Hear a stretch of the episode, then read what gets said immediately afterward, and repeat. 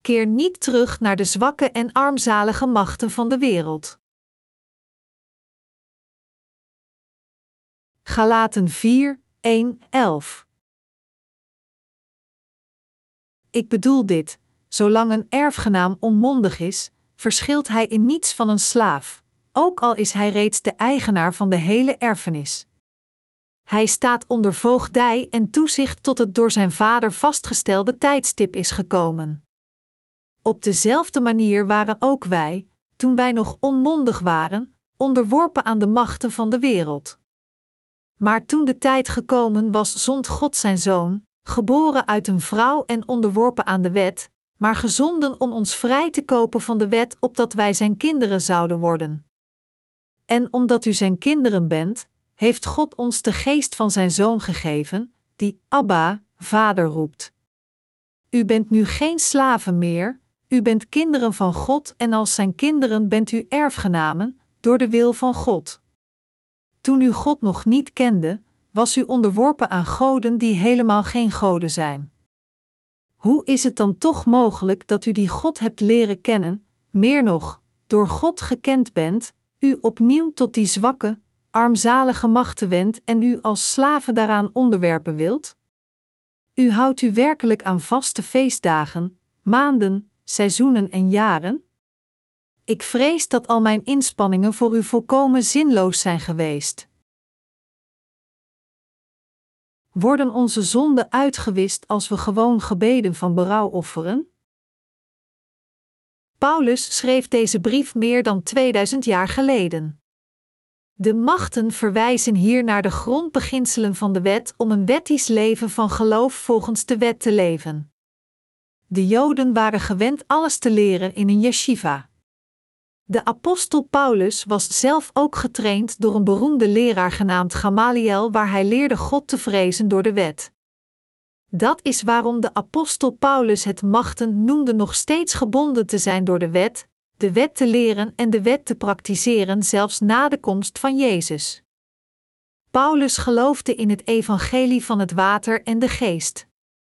Hij zei: Zolang een erfgenaam onmondig is, verschilt hij in niets van een slaaf, ook al is hij al de eigenaar van de hele erfenis. Hij staat onder voogdij en toezicht tot het door zijn vader vastgestelde tijdstip is gekomen. Wat Paul ons wilt vertellen door deze passage is dat we moeten geloven in het evangelie van het water en de geest om daardoor Gods kinderen te worden die het domein van de hemel erven.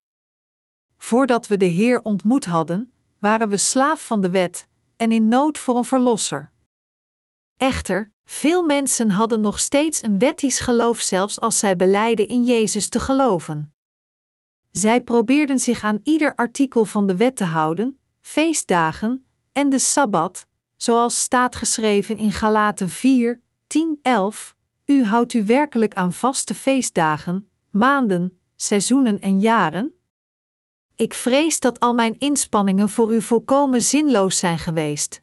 De mensen van Israël uit het tijdperk van het Oude Testament hadden veel feesten zoals het Paasfeest, het feest van het ongegiste brood en het feest van de oogst.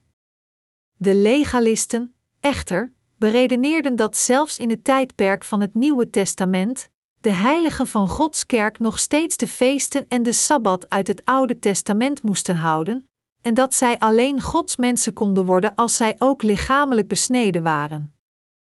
Net zo zijn er velen uit de vroege kerk die een wettisch geloof vervolgden.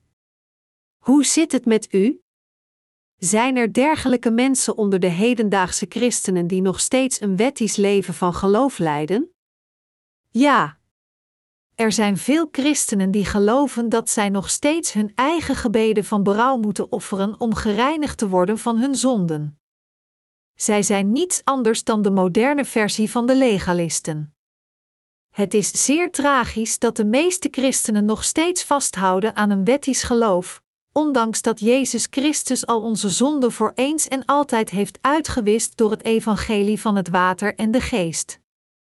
Wat we ons hier moeten realiseren is het feit dat er niet enkele christenen dergelijke legalisten zijn, maar bijna alle christenen leven een wettisch leven van geloof.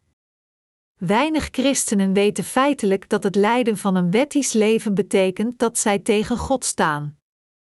Diegenen die zelf beleiden trouwe christenen te zijn, diegenen die beweren dat zij zich aan de wet van God moeten houden, of geloven dat hun zaligmaking alleen volbracht wordt door te geloven in de doctrine van berouw of de doctrine van de geleidelijke heiligmaking, leven een leven van geloof dat compleet afwijkt van de evangelische waarheid van het water en de geest. Ieder van ons moet daarom, nu het wettisch geloof wegdoen en geloven in het evangelie van het water en de geest. Betekent dit dat in het huidige tijdperk van het Nieuwe Testament de wet nu nutteloos voor ons christenen is? Nee, dat is niet het geval. We hebben nog steeds de wet nodig. Iedereen kan geloven in het evangelie van het water en de geest, maar alleen als hij de correcte kennis over de rol van Gods wet kent.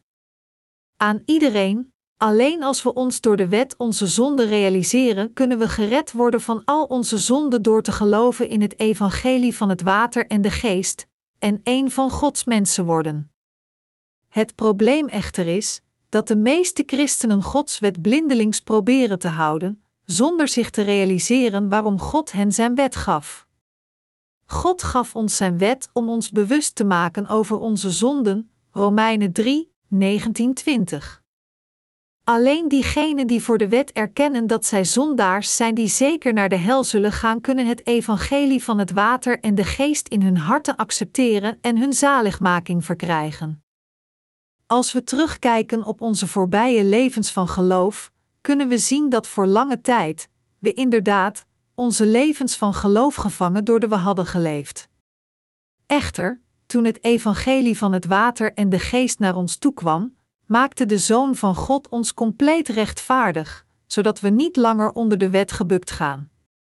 Dit is hoe we aan Jezus Christus gingen toebehoren.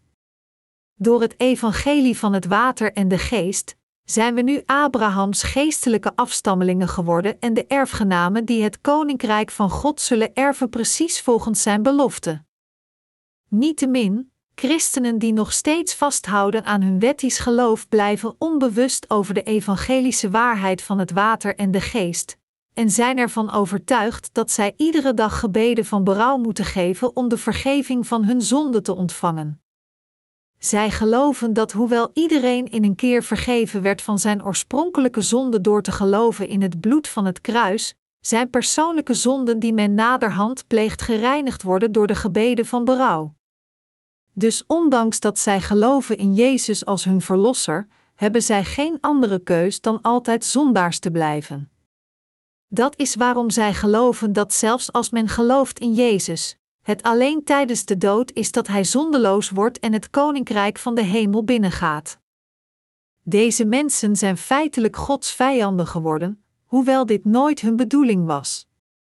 Waarom? Omdat zij tegen God en zijn kerk staan en zij Gods waarheid die voor eens en altijd hun zonde wegneemt afwijzen, en in plaats daarvan proberen de vergeving van hun zonde te ontvangen door hun eigen gebeden van berouw. Zij geloven vast dat hun zonden altijd vergeven worden door hun eigen gebeden van berouw.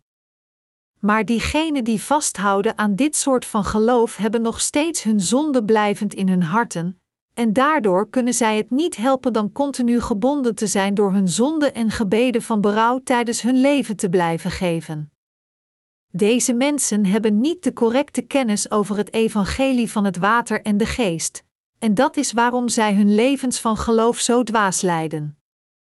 Maar ondanks dit, denken zij nooit over de mogelijkheid nadat zij hun levens van geloof verkeerd leven.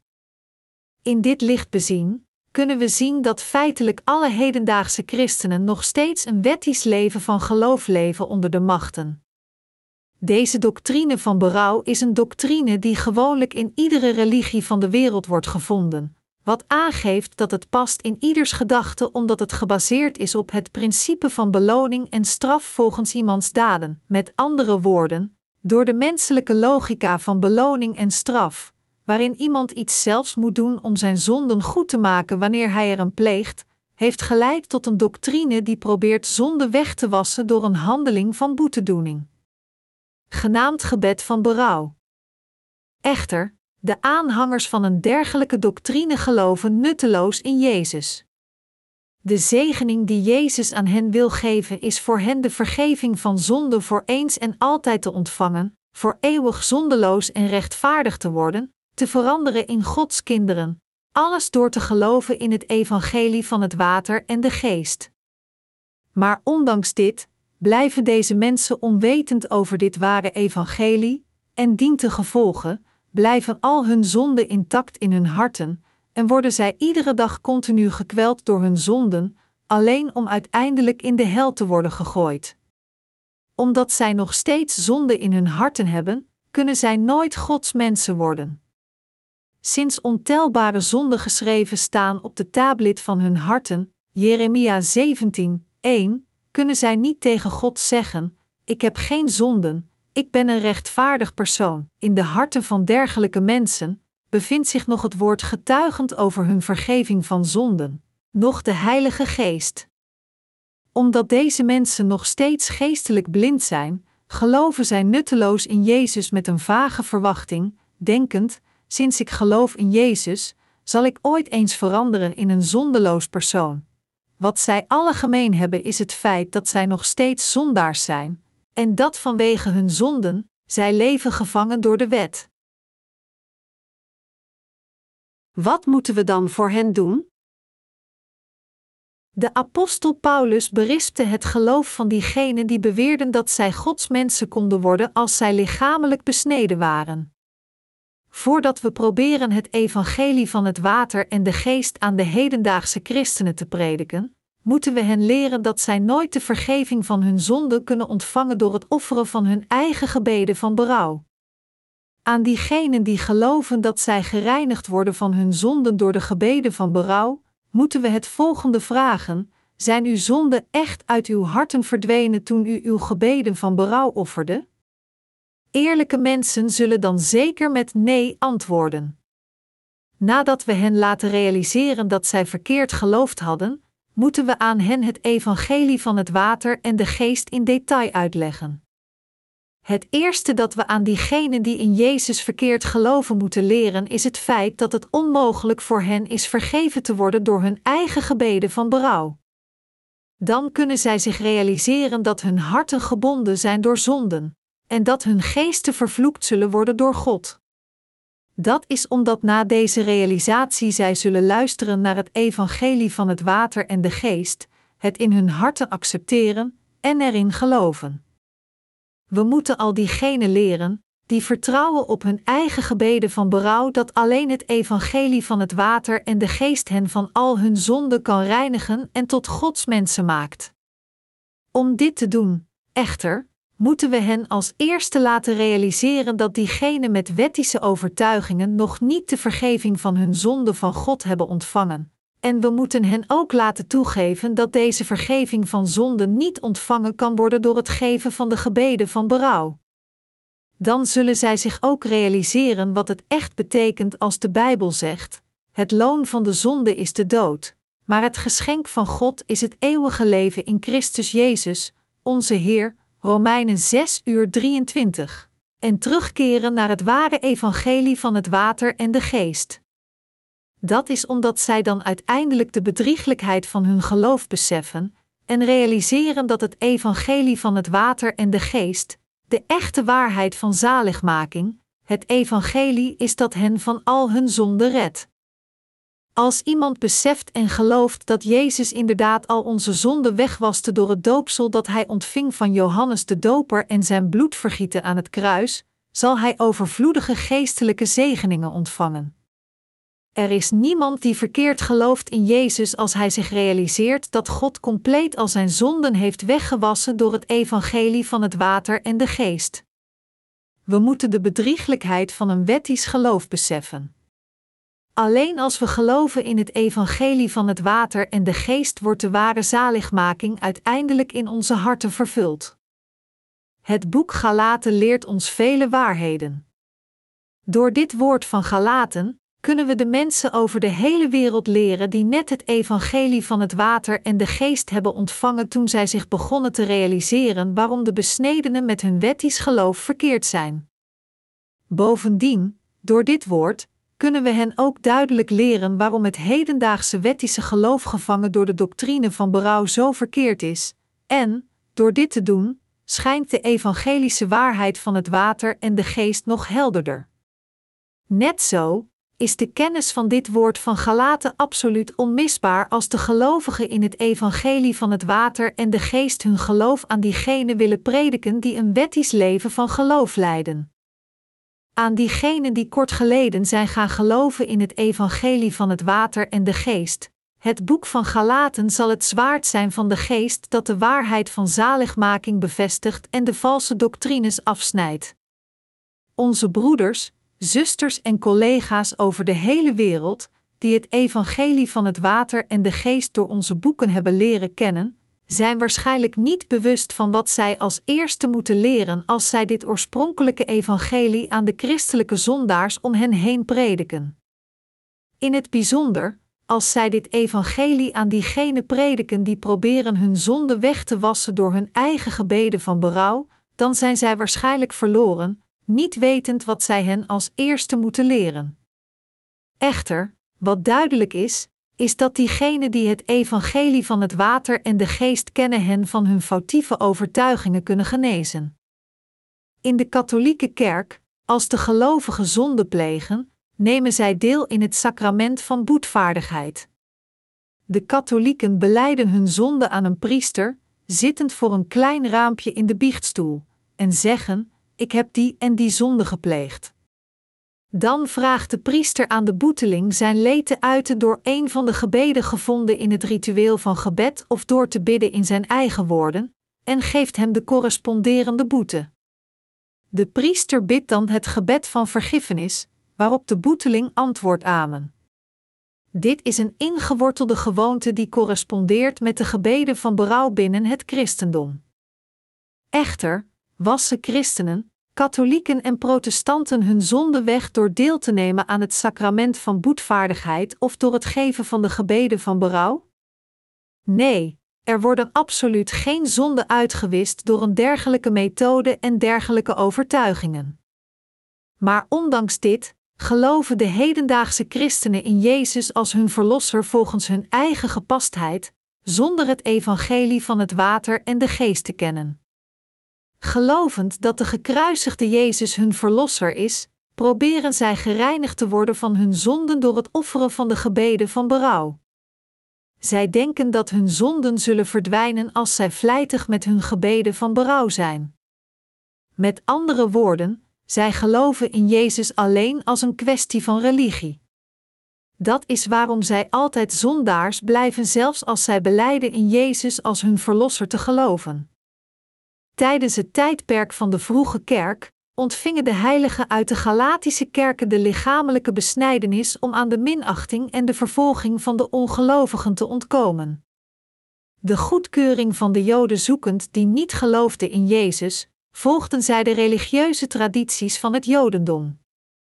Deze mensen hadden geen verlangen te zoeken naar de wil van God, noch naar de groei van hun geloof. Met alle middelen, zochten zij alleen naar een manier om de veroordeling te vermijden die onvermijdelijk het geloof in Jezus volgde. Echter, als zij eerder onder de vloek van de wet waren geweest, maar nu het evangelie van het water en de geest leerden kennen en erin gingen geloven, de waarheid van echte zaligmaking, dan was het een vanzelfsprekendheid dat zij vervolgd werden door veel vrienden, collega's en zelfs familie. U moet beseffen dat zelfs in Gods kerk, er velen zijn die niet echt godsmensen zijn. Het is alleen natuurlijk voor ons dat we worden vervolgd vanwege ons geloof in Jezus door diegenen die niet godsmensen zijn. De apostel Paulus geloofde ook in het Jodendom, maar toen hij zich bekeerde en in Jezus Christus ging geloven, vervolgden de Joden hem en probeerden hem te doden. Dat is waarom de apostel Paulus zei: de boodschap over het kruis is dwaasheid voor wie verloren gaan, maar voor ons die worden gered is het de kracht van God. 1 Corinthiërs 1 uur 18. De boodschap over het kruis verwijst hier naar de waarheid dat de Heer naar deze aarde kwam, al de zonde verdoomd door de rechtvaardige wet overnam door zijn doopsel, gekruisigd werd, weer van de dood verrees, en ons daarmee van al onze zonden heeft gered. Deze boodschap over het kruis verwijst niet alleen naar de dood van Jezus Christus aan het kruis, maar het verwijst naar het evangelie van waarheid, dat Jezus ons mensen gered heeft van al onze zonden door de zonde van de mensheid te schouderen en te sterven aan het kruis om voor hen te verzoenen. Dit betekent ook dat als we eenmaal geloven in het evangelie van het water en de geest, we worden vervolgd voor ons geloof in Jezus. Als we inderdaad Gods mensen zijn geworden door te geloven in dit oorspronkelijke evangelie, dan is het alleen vanzelfsprekend dat we worden gehaat door al de mensen van de wereld en verfoeid door zelfs onze eigen families van het vlees en onze vrienden. Nadat u de vergeving van uw zonden hebt ontvangen door te geloven in het evangelie van het water en de geest, hebben zich toen niet uw eigen familieleden zich tegen u gekeerd? Als we eenmaal wedergeboren zijn door te geloven in dit oorspronkelijke evangelie en de vergeving van onze zonden ontvangen, dan komen we vaak veel mensen tegen die heftig tegen ons gekant zijn en ons zonder reden haten. Diegenen die nog niet de vergeving van hun zonden hebben ontvangen, hebben slechte geesten in zich, en dat is waarom zij ons grondloos haten, wij die Jezus hebben ontmoet door te geloven in het evangelie van het water en de geest.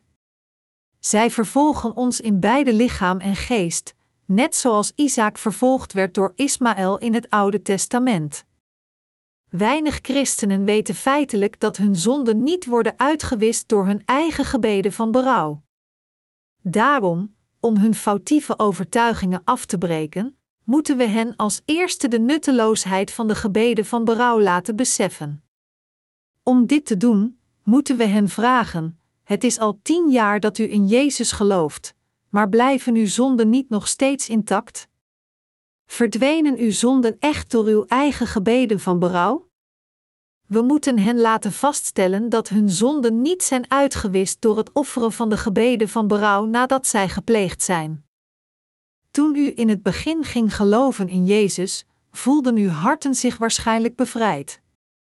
Toen u dacht aan Jezus, was dit waarschijnlijk genoeg om u te vervullen met dankbaarheid, en u ervoer het alsof uw harten gereinigd werden na het offeren van uw gebed van berouw. Echter, nadat verschillende jaren voorbij gingen sinds u voor het eerst geloofde in Jezus, ging u beseffen dat uw zonden zich opstapelden in uw harten, en dat deze zonden niet verdwenen ondanks dat u veel gebeden van berouw offerde. Is dit niet zo? Dus, over het algemeen, terwijl christenen zeer enthousiast zijn als zij voor de eerste keer naar de kerk gaan, na een korte tijd eindigen zij uiteindelijk als de hypocritische fariseërs. Voor ons om echt gered te worden van al onze zonden, moeten we geloven in het evangelie van het water en de geest gegeven door de Heer. Als u nog steeds zonden hebt in uw harten ondanks dat u gelooft in Jezus, dan is dit omdat het evangelische woord van het water en de geest niet in uw harten is. Tenzij u gelooft in dit oorspronkelijke evangelie, zult u zeker eindigen de kerk te bezoeken vanuit een verplichting en dient te gevolgen, veranderen in een hypocriet zonder te beseffen dat dit met u gebeurd is.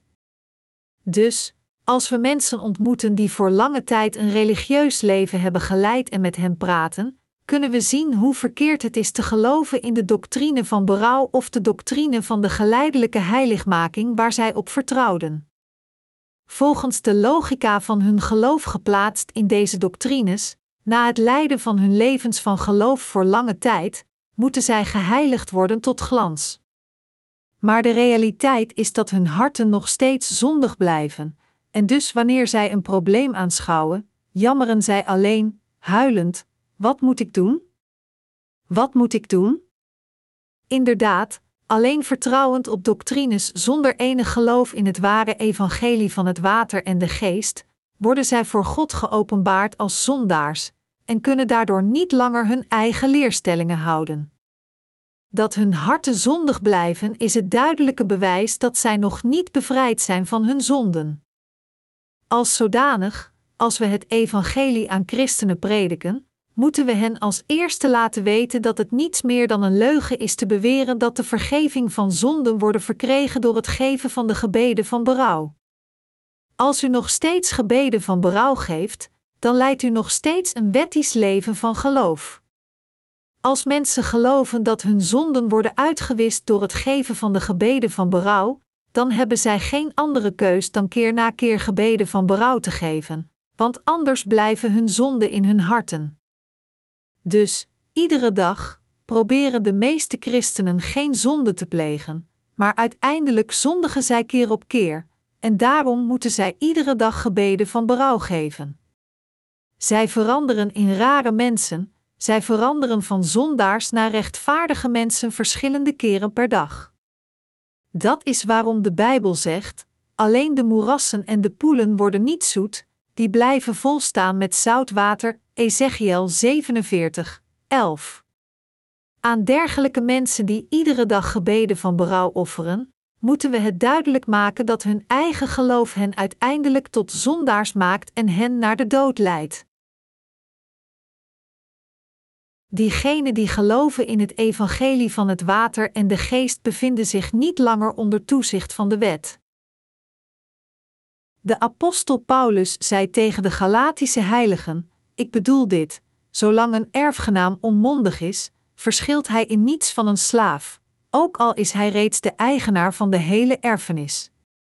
Hij staat onder voogdij en toezicht tot het door zijn vader vastgestelde tijdstip is gekomen, Galaten 4, 1, 2.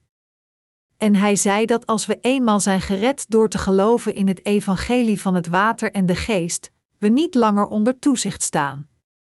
Met andere woorden, als we eenmaal wedergeboren zijn door dit oorspronkelijk evangelie, dan proberen we niet de vergeving van onze zonden te ontvangen door het geven van de gebeden van berouw, noch door de sabbat trouw te houden, verre van door het observeren van de vastentijd of de feesten van het Oude Testament.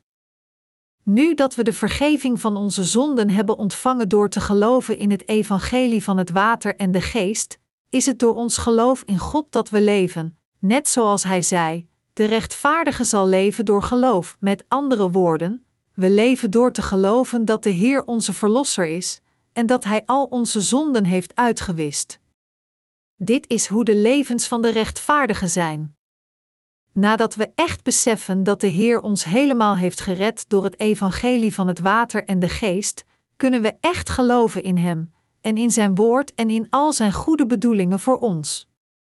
Diegenen die een wettisch leven van geloof leiden, zijn nog steeds niet verder dan de aanvangsfase van een religie genaamd christendom gekomen. Zij zijn fundamenteel verschillend van diegenen die een verheven leven van geloof leven. De gelovigen in het evangelie van het water en de geest zijn mensen met een extreem accuraat geloof, maar de christenen die nu denken dat de vergeving van zonde verkregen wordt door het offeren van de gebeden van berouw leven nog steeds hun leven van geloof zonder de woede van de wet voorbereid voor hen te beseffen. Jonge studenten moeten continu naar school gaan totdat zij volwassen zijn. Waarom? Omdat zij op zijn minst een basisopleiding moeten hebben om te kunnen functioneren binnen de maatschappij. Echter, als zij eenmaal volwassen zijn, gaan zij niet langer naar school. Maar bijna alle christenen staan nog steeds onder toezicht van de wet. Iedereen was een zondaar vanaf het moment dat hij geboren werd, en daarom staat hij onder toezicht van de wet. Waarom? Omdat er zich zonden bevinden in ieders hart. Dat is waarom iedere zondaar Jezus Christus moet ontmoeten door het evangelie van het water en de geest en hij moet ontsnappen aan de basiskennis van de wet. Galaten 4, 4, 5 zegt: Maar toen de tijd gekomen was, zond God zijn zoon, geboren uit een vrouw en onderworpen aan de wet, maar gezonden om ons vrij te kopen van de wet, opdat wij zijn kinderen zouden worden. De woorden vrij te kopen betekent hier te kopen door een prijs te betalen. En waren in de vroege dagen veel slavenmarkten. Als iemand een slaaf nodig had, dan ging hij naar de slavenmarkt en betaalde de gepaste prijs om er eentje te kopen. Met andere woorden, om een slaaf te bezitten, moest men geld betalen om hem te kopen. Net zo, zodat de Heer ons mee kon nemen naar het koninkrijk van God en ons voor eeuwig te laten leven als Gods kinderen, moest Hij ons vrijkopen met het verzoeningswerk van het water en de geest. Dat is waarom de Heer werd gedoopt door Johannes de Doper en gekruisigd werd tot de dood, en heel het loon van onze zonde afbetaalde. Dit is hoe de Heer ons vrijgekocht heeft van al onze zonden. Voordat Jezus Christus kwam, stond de wereld onder toezicht van de wet, en daarom was iedereen een zondaar. In die tijd, toen we zondaars waren, werd Jezus op deze aarde geboren, incarneerde in het vlees door het lichaam van de Maagd Maria. Om voor al onze zonden te verzoenen, moest de Heer Jezus al de zonden van de mensheid voor eens en altijd op zich nemen door te worden gedoopt door Johannes de Doper in de rivier de Jordaan. Hij vergoot zijn kostbare bloed en stierf aan het kruis, en verrees weer van de dood. Door al deze ambten te vervullen, betalen de Heer heel het loon van onze zonde af.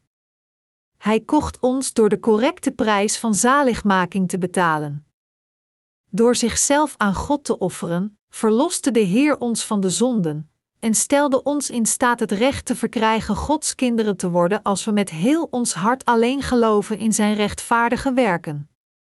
Voorheen waren we zondaars, maar nu, door te geloven in het ambt van Jezus Christus, zijn we door Gods familie geadopteerd. De Heer heeft ons gered van al onze zonden door het evangelie van het water en de geest, en door te geloven in dit evangelie, zijn we gered van onze zonden voor eens en altijd. Dat is waarom Galaten 4, 6, 7 zegt: En omdat u zijn kinderen bent, heeft God ons de geest van zijn zoon gegeven, die Abba, Vader roept. U bent nu geen slaven meer, u bent kinderen van God en als zijn kinderen bent u erfgenamen, door de wil van God.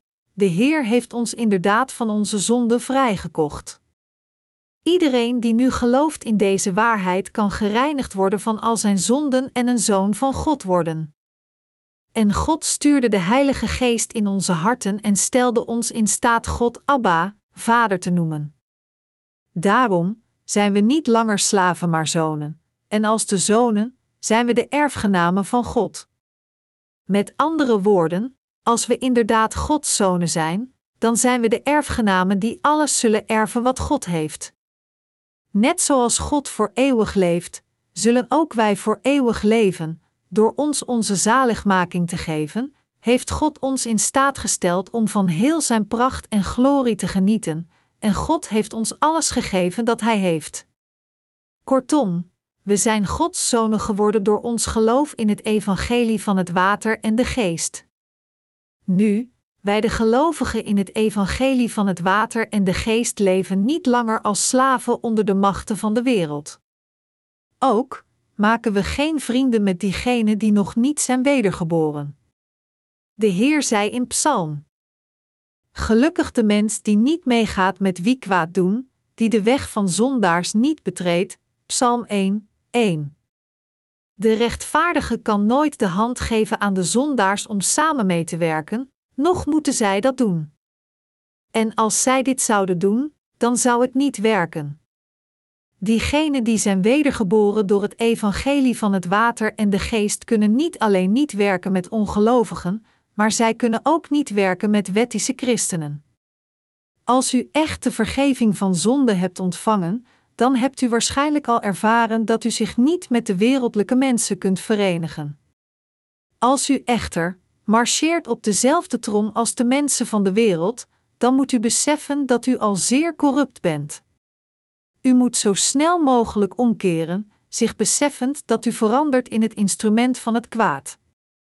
Toen ik eenmaal de Heer ontmoette door het evangelische woord van het water en de geest, moest ik afscheid nemen van mijn oud-collega's waar ik mijn leven van geloof mee had geleid. Hoewel zij aan mij vroegen te blijven en met hen te werken, zei ik tegen hen: Nee, ik ben bang dat dat niet gaat. Hoewel ik u niet persoonlijk haat, kan ik niet bij u zijn. Als het evangelie van het water en de geest dat ik preek correct was, dan zou u erin geloofd hebben.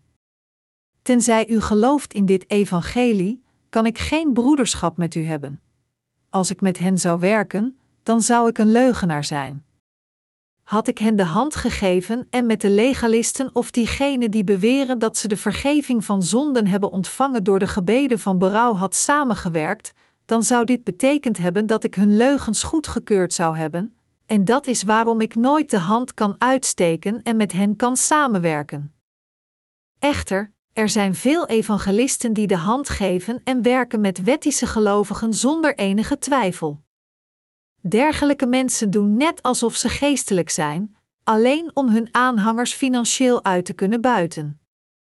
Ik zou dit nooit kunnen doen. Toen ik mijn oude wereldlijke vrienden ontmoette nadat ik was wedergeboren, kon ik in een oogopslag zien dat ik nooit bij dergelijke mensen kon zijn. Sinds we al dikke vrienden waren vanaf onze kindertijd, was ik emotioneel diep met hen verbonden. Maar ik ontdekte dat hun geloof alleen elementair was, en ik schaamde mij geestelijk en voelde me oncomfortabel bij hen. Natuurlijk zeg ik hier niet dat u zich van al de mensen van de wereld moet isoleren. Maar het is niet zo voordelig geestelijke broederschap met uw bekenden te onderhouden. Als u probeert het evangelie aan uw vrienden te prediken die alleen herinneringen van uw oude ik hebben, zij zullen de evangelische waarheid van het water en de geest dat in u zit niet gemakkelijk accepteren, sinds hun vleeselijke herinneringen hen zullen hinderen in de waarheid te geloven. Dit is waarom de Heer zei: Nergens wordt een profeet zo miskend als in zijn eigen stad, onder zijn verwanten en huisgenoten. Marcus 6, 4. Dus tenzij u hen uit uw geest verwijdert, kunt u niet de Heer dienen, noch hem volgen, noch het evangelie prediken. De Bijbel zegt dat Abraham zijn land verliet, zijn familie en het huis van zijn vader om het woord van God te volgen. Net zo, tenzij we onze oude betrekkingen de rug toekeren, kunnen we niet Gods woord volgen. Dus is het absoluut noodzakelijk voor ons nooit de slaven te worden van de legalisten of de mensen van de wereld. We moeten hen niet de hand reiken nog met hen werken. Dat is waarom de apostel Paulus de Galatische heilige berispte en hen waarschuwde door te zeggen: Nu dat u het evangelie van het water en de geest kent, hoe kan het dat u wenst terug te keren naar de zwakke en armzalige machten? Om deze boodschap in hedendaagse termen uit te drukken, vraagt de Bijbel: hoe kan een wedergeboren persoon verlangen terug te keren naar de wereld, terug in het geloof van de legalisten bewerend dat de vergeving van zonde verkregen wordt door de gebeden van berouw?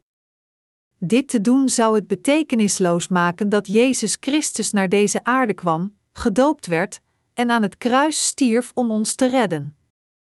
Gezien het feit dat Jezus niet de vervolging of ontbering vermeed, maar hen persoonlijk droeg om ons te redden, hoe kunnen we dan terugkeren naar de elementaire kennis, ons onderwerpen aan de legalisten en tevreden zijn zo te leven? We moeten dit nooit doen. Als de wedergeborenen dienaren willen zijn, dan moeten ze dienaren van rechtvaardigheid zijn. Zij moeten niet de dienaren van de zonde zijn, dienaren van de duivel of dienaren van de legalisten. De apostel Paulus maakt hier duidelijk dat we niet tot slaven gemaakt moeten worden door diegenen die niet de rechtvaardigheid praktiseren. Omdat de Heer ons door het evangelie van het water en de geest heeft gered, zei de apostel Paulus het volgende: Broeders en zusters, u bent geroepen om vrij te zijn. Misbruik die vrijheid niet om uw eigen verlangens te bevredigen, maar dien elkaar in liefde. Galaten 5 uur 13. Met andere woorden, God heeft ons ware vrijheid gegeven, maar we moeten deze vrijheid niet gebruiken om ons eigen vlees te dienen of slechtheid te praktiseren.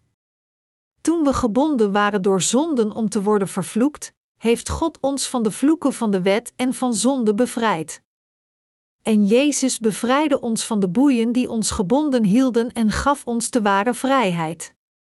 De Heer zei dat Hij ons ware vrijheid heeft gegeven, omdat Hij wilde dat wij vrijwillig zouden leven voor datgene wat correct is. Maar wilt u weer gebonden zijn door de wereld ondanks dit?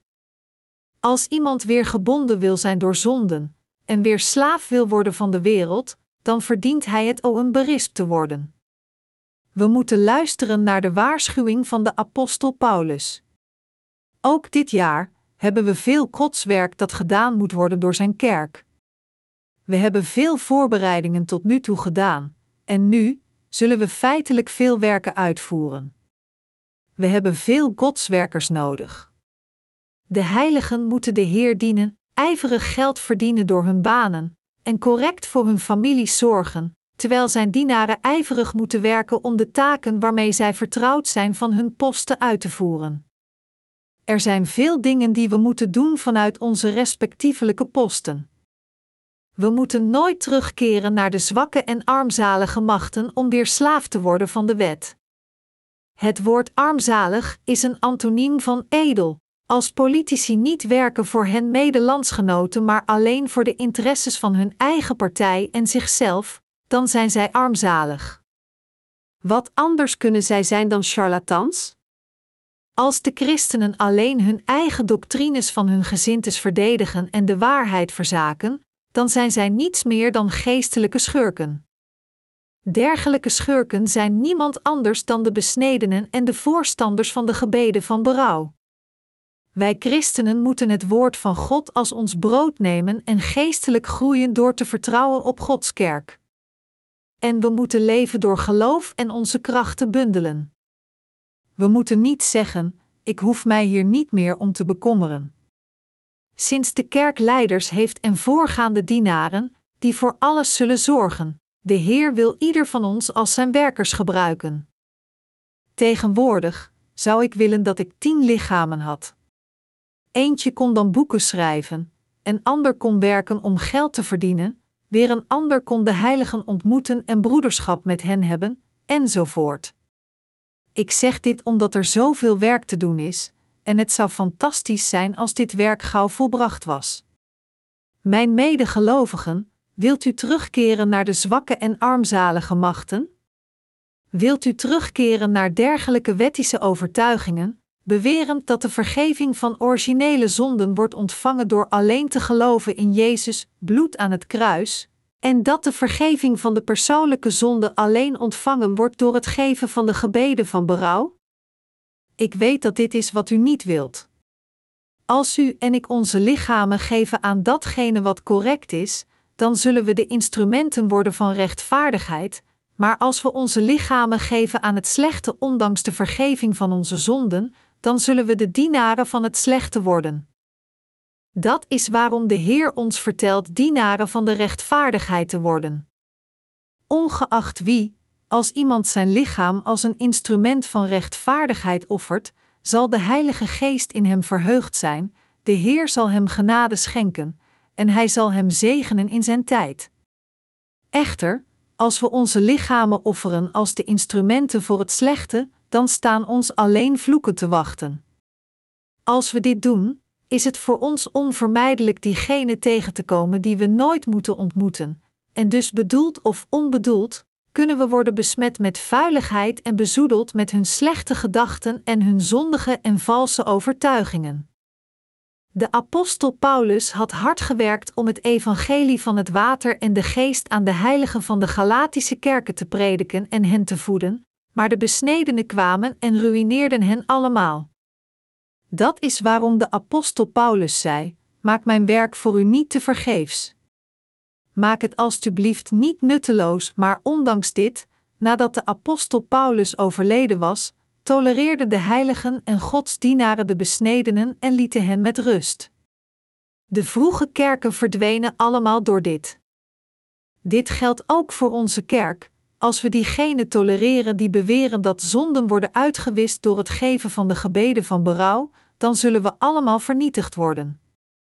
Als eerste moeten wij daarom niet in dergelijke mensen veranderen. En ten tweede moeten we nooit diegenen tolereren die het woord verkeerd interpreteren en de kerk verwarren.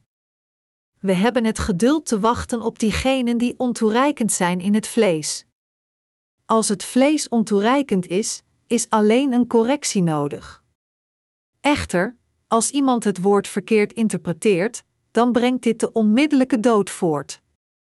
Het zal niet alleen de persoon doden, maar ook ontelbare mensen om hen heen. Daarom, diegenen die het woord van God prediken, zijn zeer belangrijk voor u. Hoewel al diegenen die het evangelie op verschillende manieren dienen zeer belangrijk zijn, moet u diegenen die het woord van God aan u prediken koesteren. Onthoud dat als het woord correct wordt begrepen en correct wordt uitgelegd, ontelbare mensen in staat zullen zijn gered te worden, maar zo niet, dan zullen ontelbare mensen sterven. Tolereer niet dergelijke valse leraren binnen de kerk. Nu, we moeten niet terugkeren naar de elementaire kennis om een wettisch leven van geloof te leven. Nog moeten we dergelijke overtuigingen tolereren. We moeten altijd leven en overleven door ons geloof in het evangelie van het water en de geest. Inderdaad, levend door ons geloof in het evangelie van het water en de geest, moeten we dit ware evangelie in nog meer landen prediken. Om dit evangelie over heel de wereld compleet te prediken, moeten we leven met geloof tot de dag dat we voor de aanwezigheid van de Heer staan. Ik waarschuw u alle gewillig uw lichamen en harten toe te wijden en de verspreiding van het evangelie te ondersteunen. Ik geef mezelf net zo aan de Heer. Ik voer datgene uit wat mij is toevertrouwd vanuit mijn post, zodat de evangelische bloemen volledig kunnen bloeien. Ik geloof dat u ook zult vervullen wat u toevertrouwd is, totdat de evangelische bloemen volledig over de hele wereld bloeien. Ontsnapt aan het wettisch geloof van deze wereld, of we eten of drinken, we moeten leven voor de glorie van God. 1 Corinthiërs 10 uur 31.